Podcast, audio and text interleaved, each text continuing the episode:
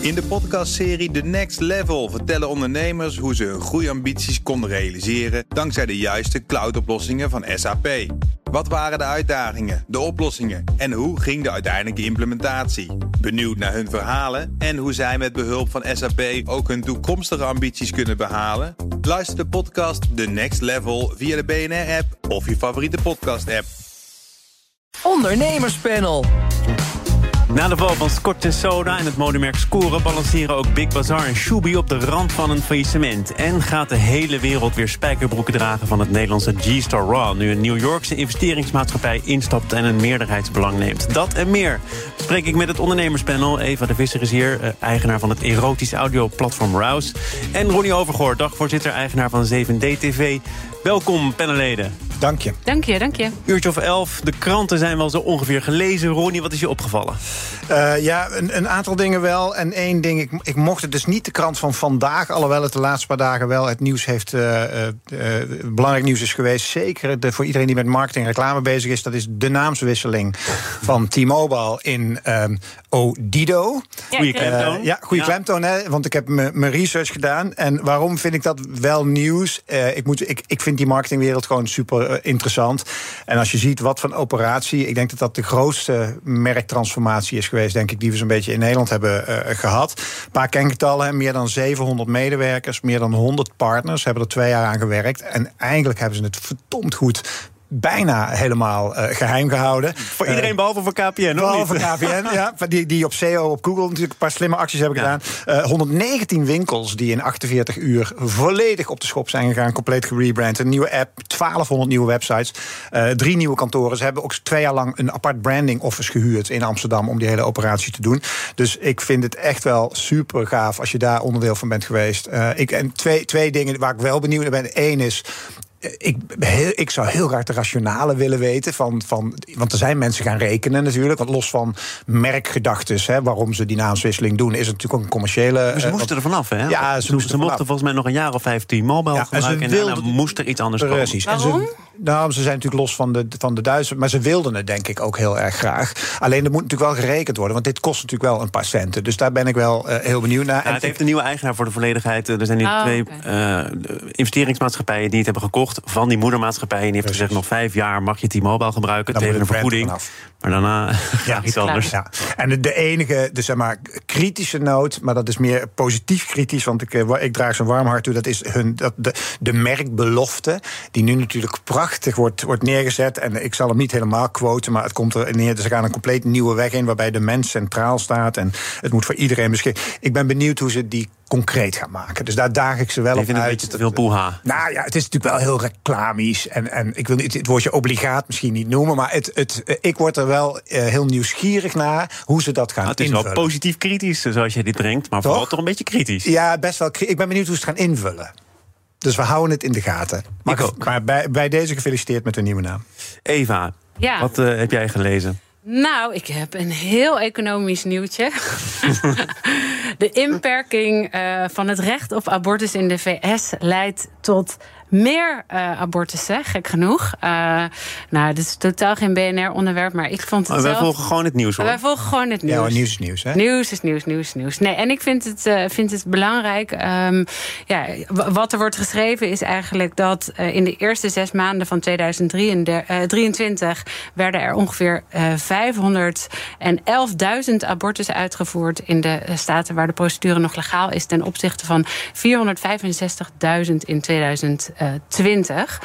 En ehm, ja, dit, dit, ik, ik vind dit hele eh, debat of deze hele strijd rondom eh, eh, tussen de, de Republikeinen en de Democraten over de rug van, eh, van, van vrouwen vind ik echt verschrikkelijk.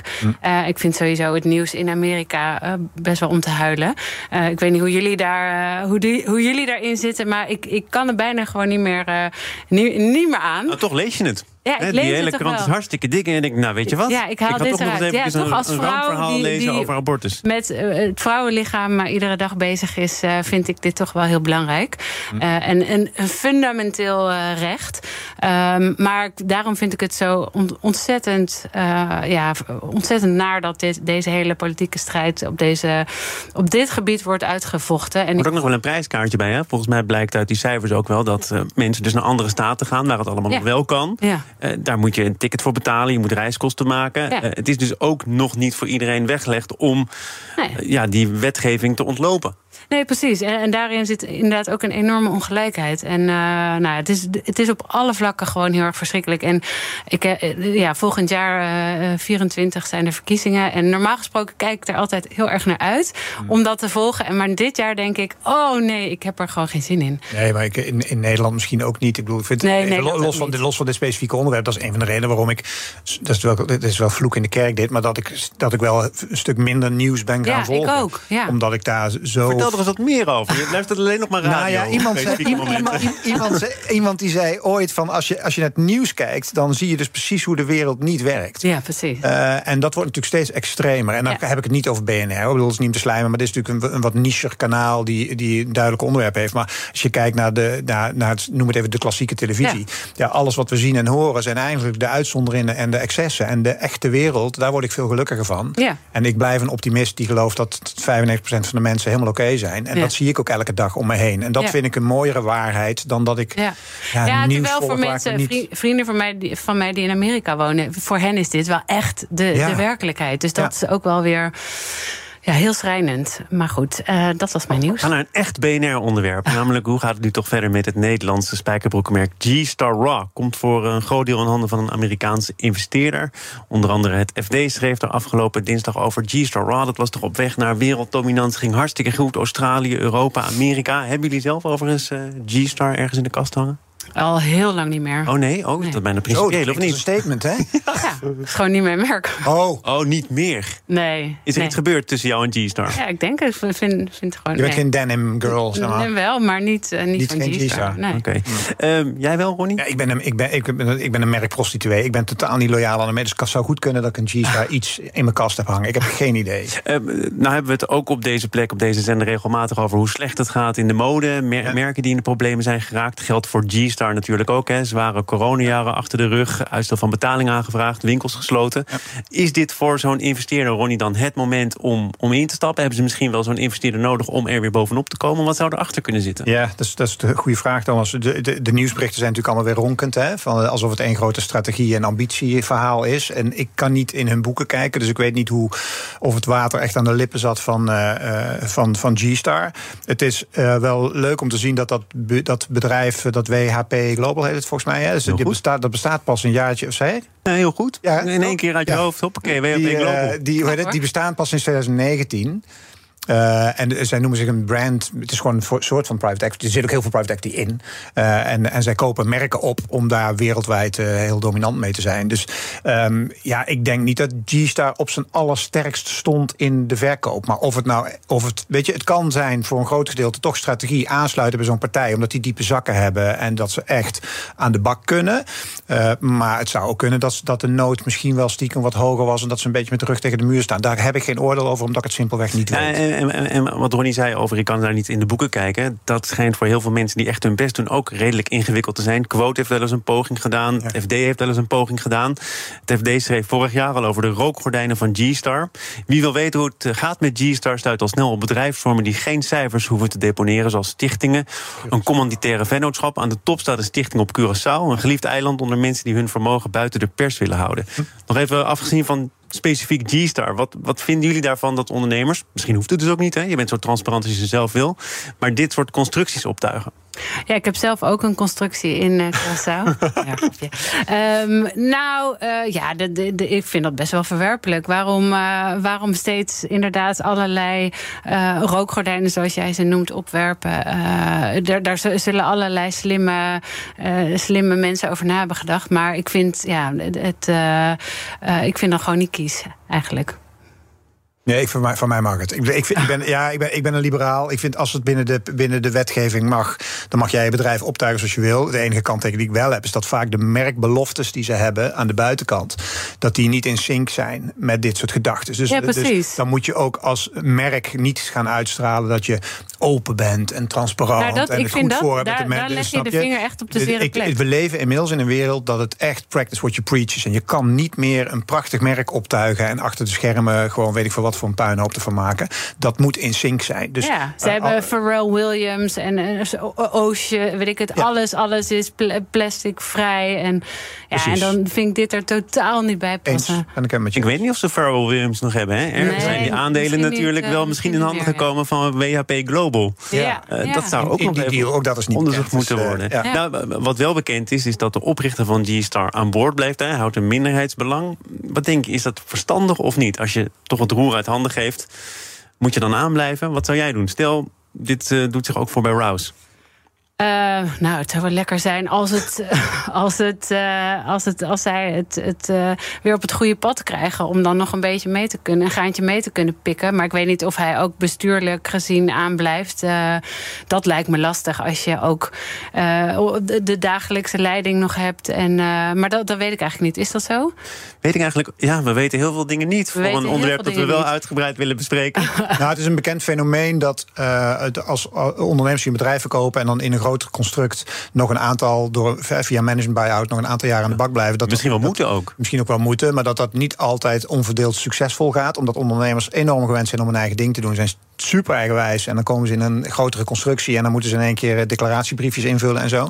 Het kan ook zo zijn, dat zie je in, zeker nu als je in Nederland kijkt naar heel veel private equity activiteiten, die bedrijven opkopen en door laten groeien in een groep, dat je ook vaak ziet dat de eigenaar een nieuwe rol oppakt binnen het grotere geheel.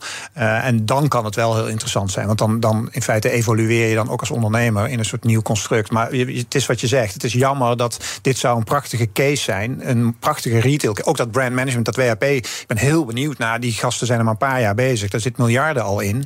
Eh, ik, zou, ja, ik, zou, ik zou ze juist uitdagen, gooi die deuren nou eens open, jongens. Ik bedoel, je bent toch geen criminele bende? Ik bedoel, ga vertellen wat je doet en waarom. Ja. je het doet en Ja, hoe het werkt. En, jongens, het is zo jammer dat Ja. gasten zo eh, Ja. de deuren dicht houden. Ja. Dat het panel het eens is met Ronnie Overgoort. Gebeurt gewoon. Het gebeurt. we gaan het over iets anders hebben. Wie weet. Zeil. Ondernemerspanel. Het ondernemerspanel bestaat vandaag uit Eva de Visser van het erotische audioplatform Rouse en Ronnie Overgoort, dagvoorzitter-eigenaar van 7DTV. Is de herfst van 2023 het ideale moment om van werkgever te veranderen en te focussen op een baan met meer toekomstperspectieven? Jazeker, zegt Randstad in een jaarlijks onderzoek naar werkgevers als merk. Veel mensen blijven nu nog zitten, want die denken het is economisch wel eens beter gegaan. Laat ik vasthouden aan wat ik nu heb. Randstad zegt dat is eh, schijnzekerheid. Je kunt beter nu, als je toch van plan bent iets anders te gaan doen, voor een krapte beroep kiezen. De zorg, het onderwijs.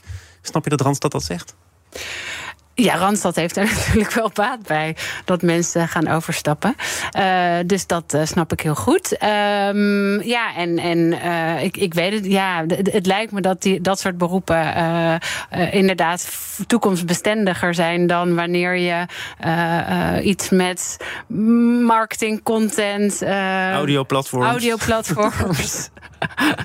Eh, nee, dus, dus ik denk dat het, dat het niet dom is. Maar het, is, ja, het, het ligt er natuurlijk helemaal aan waar je, wa- wat je wil en wat je, wat je, wat je zelf in de. Nou, het wil. interessante vind ik dat die krapte beroepen, of krapte sectoren, ook de sectoren zijn waar op dit moment vinden velen te weinig wordt betaald en waar het wemelt van de ZZP'ers. Dus Ja. het kan wel een mooi toekomstperspectief zijn, maar het is niet per se een goed betaald. Nee, daar zit het hele probleem. Toch? Ja, ik bedoel, anders zouden we met z'n allen misschien al lang zijn overgestapt. Stonden wij hier nu niet met z'n drieën dit eh, het nieuws te duiden? Wat denk jij als je dit zo eh, hoort? Nou ja, ik, over, zeg maar, het, oh, wat ik interessant eraan vind, is dat ik heel graag. Ik ben een groot ambassadeur van ondernemerschap. Eh, en ik vind ook dat je als werknemer. Ik zou ook het liefst de termen omdraaien. Dat een werknemer een werkgever is en een werkgever een werknemer. Dat moet je even over nadenken. Maar dat vind ik veel, vind ik veel meer wat het zou moeten zijn. Net zoiets als negen straatjes die er elf zijn? Nee, nee, nee, nee, nee, vind, dat je als werknemer in feite werk geeft aan iemand. Snap je? Jouw werk geef jij aan Ah, zo. Snap je? Op die manier. Dus Ja. daar zou je aan om moeten draaien. Oftewel, het is je eigen verantwoordelijkheid. En dan leven we natuurlijk wel in een tijd waarbij eh, je kent kent vast die metafoor van die kikker en het water wordt steeds warmer en hij heeft echt geen enkel idee. En op een gegeven moment wordt het zo heet en is hij dood. Uh, en er zijn natuurlijk heel, best wel heel veel banen waarvan je kan zeggen: ja, uh, als je nou het nieuws een beetje volgt, dan weet je dat over een paar jaar je echt niet meer zeker kan zijn van je baan. En dan moet je niet over drie jaar zeggen: van jee, nou is mijn hele functie is uitgestorven, want AI heeft het overgenomen. Mm. Of nou, whatever de reden ook is. Dus ik denk dat het sowieso een oproep is aan iedereen die werkt om altijd om je heen te kijken van hé, hey, hoe zit ik in de markt? En, uh, en om niet te snel de verantwoordelijkheid maar bij de werkgever uh, neer te leggen. Dus in zoverre vind ik dit onderwerp interessant om iedereen aan te moedigen om daar scherp naar te kijken. Ik, ik, heb wel eens met economen gesproken, regelmatig zelfs. En die zeggen dan laten we alsjeblieft niet meer met plannen komen die goed zijn voor de werkgelegenheid. Het is eigenlijk vooral zaak om het aantal banen terug te dringen. Want krapte op de arbeidsmarkt, puur kijken naar demografie dat zal de komende jaren bepalend zijn. We zijn niet op zoek naar meer banen, we zijn eigenlijk op zoek naar minder banen, want we hebben ook minder mensen die kunnen werken. Nou ja, en dat, dat vind ik ook wel een dingetje. Ik, ik sprak zo'n laatste recruiter en die, uh, die zei van... De, ze hebben het altijd over inclusiviteit en zo. Hè, en, uh, en jonge mensen en mensen van uh, diverse afkomsten. Hij zei van, wat ik merk is dat ik die 55-plus-markt zo graag zou willen aanboren. Want hij zit dan in high-end sales mensen. Hij zei, als ik zie wat voor kwaliteit en inzet... en dit dus over die krapte op de arbeidsmarkt... ik denk dat er een veel groter potentieel kan worden aangeboord. Zeker als we kijken naar niet... bedoel, waarom moet je met je 67 met pensioen, om maar een ding te noemen. dus ik denk dat daar nog veel veel meer uh, valt te halen. Dus, dus die arbeidskrapte, ja, uh, volgens mij is er veel meer dan dat er is. En wat ik ook zou vinden, kijk, zorg en onderwijs, los van het geld. Wat ik interessant zou vinden, is vanuit onderwijs en opleidingen om te kijken of je niet sneller kan toetreden naar een andere. Want ik kan wel zeggen, ik ga morgen de zorg in, maar dan moet ik een of andere saaie K-opleiding gaan volgen van drie jaar voordat ik er überhaupt iets mag doen. Terwijl ik kan morgen kan ik bedden eh, wegrollen en mensen, weet, ik veel wat ik allemaal kan doen. Hetzelfde geldt voor onderwijs. Hetzelfde geldt voor, ik heb mijn zoon, die zou super tof bij, de, bij zo'n zo bij zo'n opsporingsdienst bij de politie willen werken. Weet je, van die, van die super ruige, sterke gasten die op straat allemaal boeven vangen. En dat is hij toevallig ook. Nee, nee, nee, dat zou, nee dat, dat, zou, dat zou hij best wel willen. Maar dan moet hij in een of andere algemene opleiding drie jaar achter een bureau gaan zitten en weet ik veel wat voor shit allemaal. Dus oftewel, pas ook het onderwijs aan om veel makkelijker te kunnen switchen. zou wel kunnen zijn dat sommige beroepen ook wat voorstellen. Hè? Dus als je in de zorg wil werken, het onderwijs wil werken of bij de politie wil werken, dat je ook nog bepaalde dingen moet kunnen. Dat kan sneller, Thomas.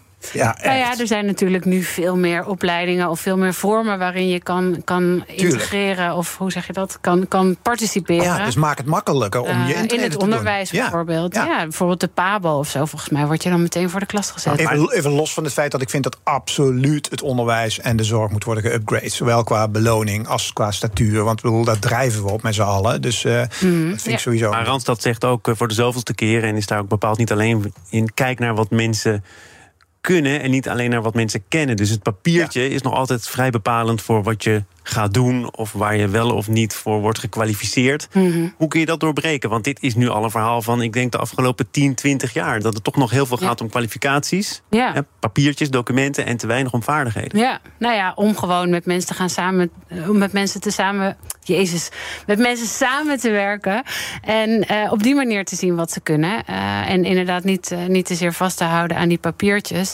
Aan de andere kant vind ik het wel is het wel een teken dat iemand iets af kan maken. Ik had een tijdje geleden een, mhm. een uh, werknemer die geen, enkel, uh, uh, geen enkele opleiding had afgemaakt. Maar ik dacht, nou, ik ga er toch mee aan, de, aan de slag. En ja, dat, dat werkte gewoon niet, omdat zij totaal niet in staat was om iets af te ronden. Dus in dat opzicht is het wel een teken dat iemand iets, iets kan. Maar voor mij zou het ook niet per se. Maar jij, jij bestuurt een, een erotisch audioplatform. Ja. En jij zei tegen de redactie: uh, waar werd gevraagd wat moeten mensen nu kunnen die bij Rouse gaan werken. Ze moeten het verschil zien tussen wat goor en ordinair is en wat juist sexy overkomt. Ja. Kun je niet leren nou, Daar school, heb je natuurlijk geen diploma nee, voor. Nee. Of weten mensen dat eigenlijk stiekem zelf wel wanneer iets ordinair is en wanneer iets sexy is? Uh, ja, nou niet iedereen. maar nee, daar heb je zeker geen diploma voor nodig. Maar ja, uiteindelijk, ja, je moet wel een beetje normaal kunnen nadenken en uiteindelijk ook ja, uh, iets kunnen kunnen afronden. Ja, dat, dat vind ik wel. Maar dan, is onder, dan is onderwijs en diploma nog steeds wel overgewaardeerd. Als dat alleen maar. De, want ik ben het wel met je eens. Maar je ziet wel, dat in het begin had ik het over de marketingwereld en de mediawereld. Daar zie je het echt wel nu dat er echt niet meer wordt gekeken naar, eh, naar opleiding. Of of jij nou per se je papiertje hebt. Daar wordt echt gekeken naar skills. En niet alleen naar skills, ook qua cultuur. Pas jij binnen het bedrijf? Want we willen echt op een bepaalde manier met elkaar samenwerken. Dus ik, ik ben ook daar wel weer heel positief over dat dat aan het veranderen is. Wat een mooie Slotsom van dit panel. Ronnie Overhoor is positief en ook dagvoorzitter en eigenaar van 7D-TV. Eva de Visser, eigenaar van Rouse, dank voor jullie komst. Geen dank. Dit panel is ook te beluisteren als podcast, dus abonneer je via je favoriete kanaal of de BNR-app. In de podcastserie The Next Level vertellen ondernemers hoe ze hun groeiambities konden realiseren dankzij de juiste cloudoplossingen van SAP. Wat waren de uitdagingen, de oplossingen en hoe ging de uiteindelijke implementatie? Benieuwd naar hun verhalen en hoe zij met behulp van SAP ook hun toekomstige ambities kunnen behalen? Luister de podcast The Next Level via de BNR-app of je favoriete podcast-app.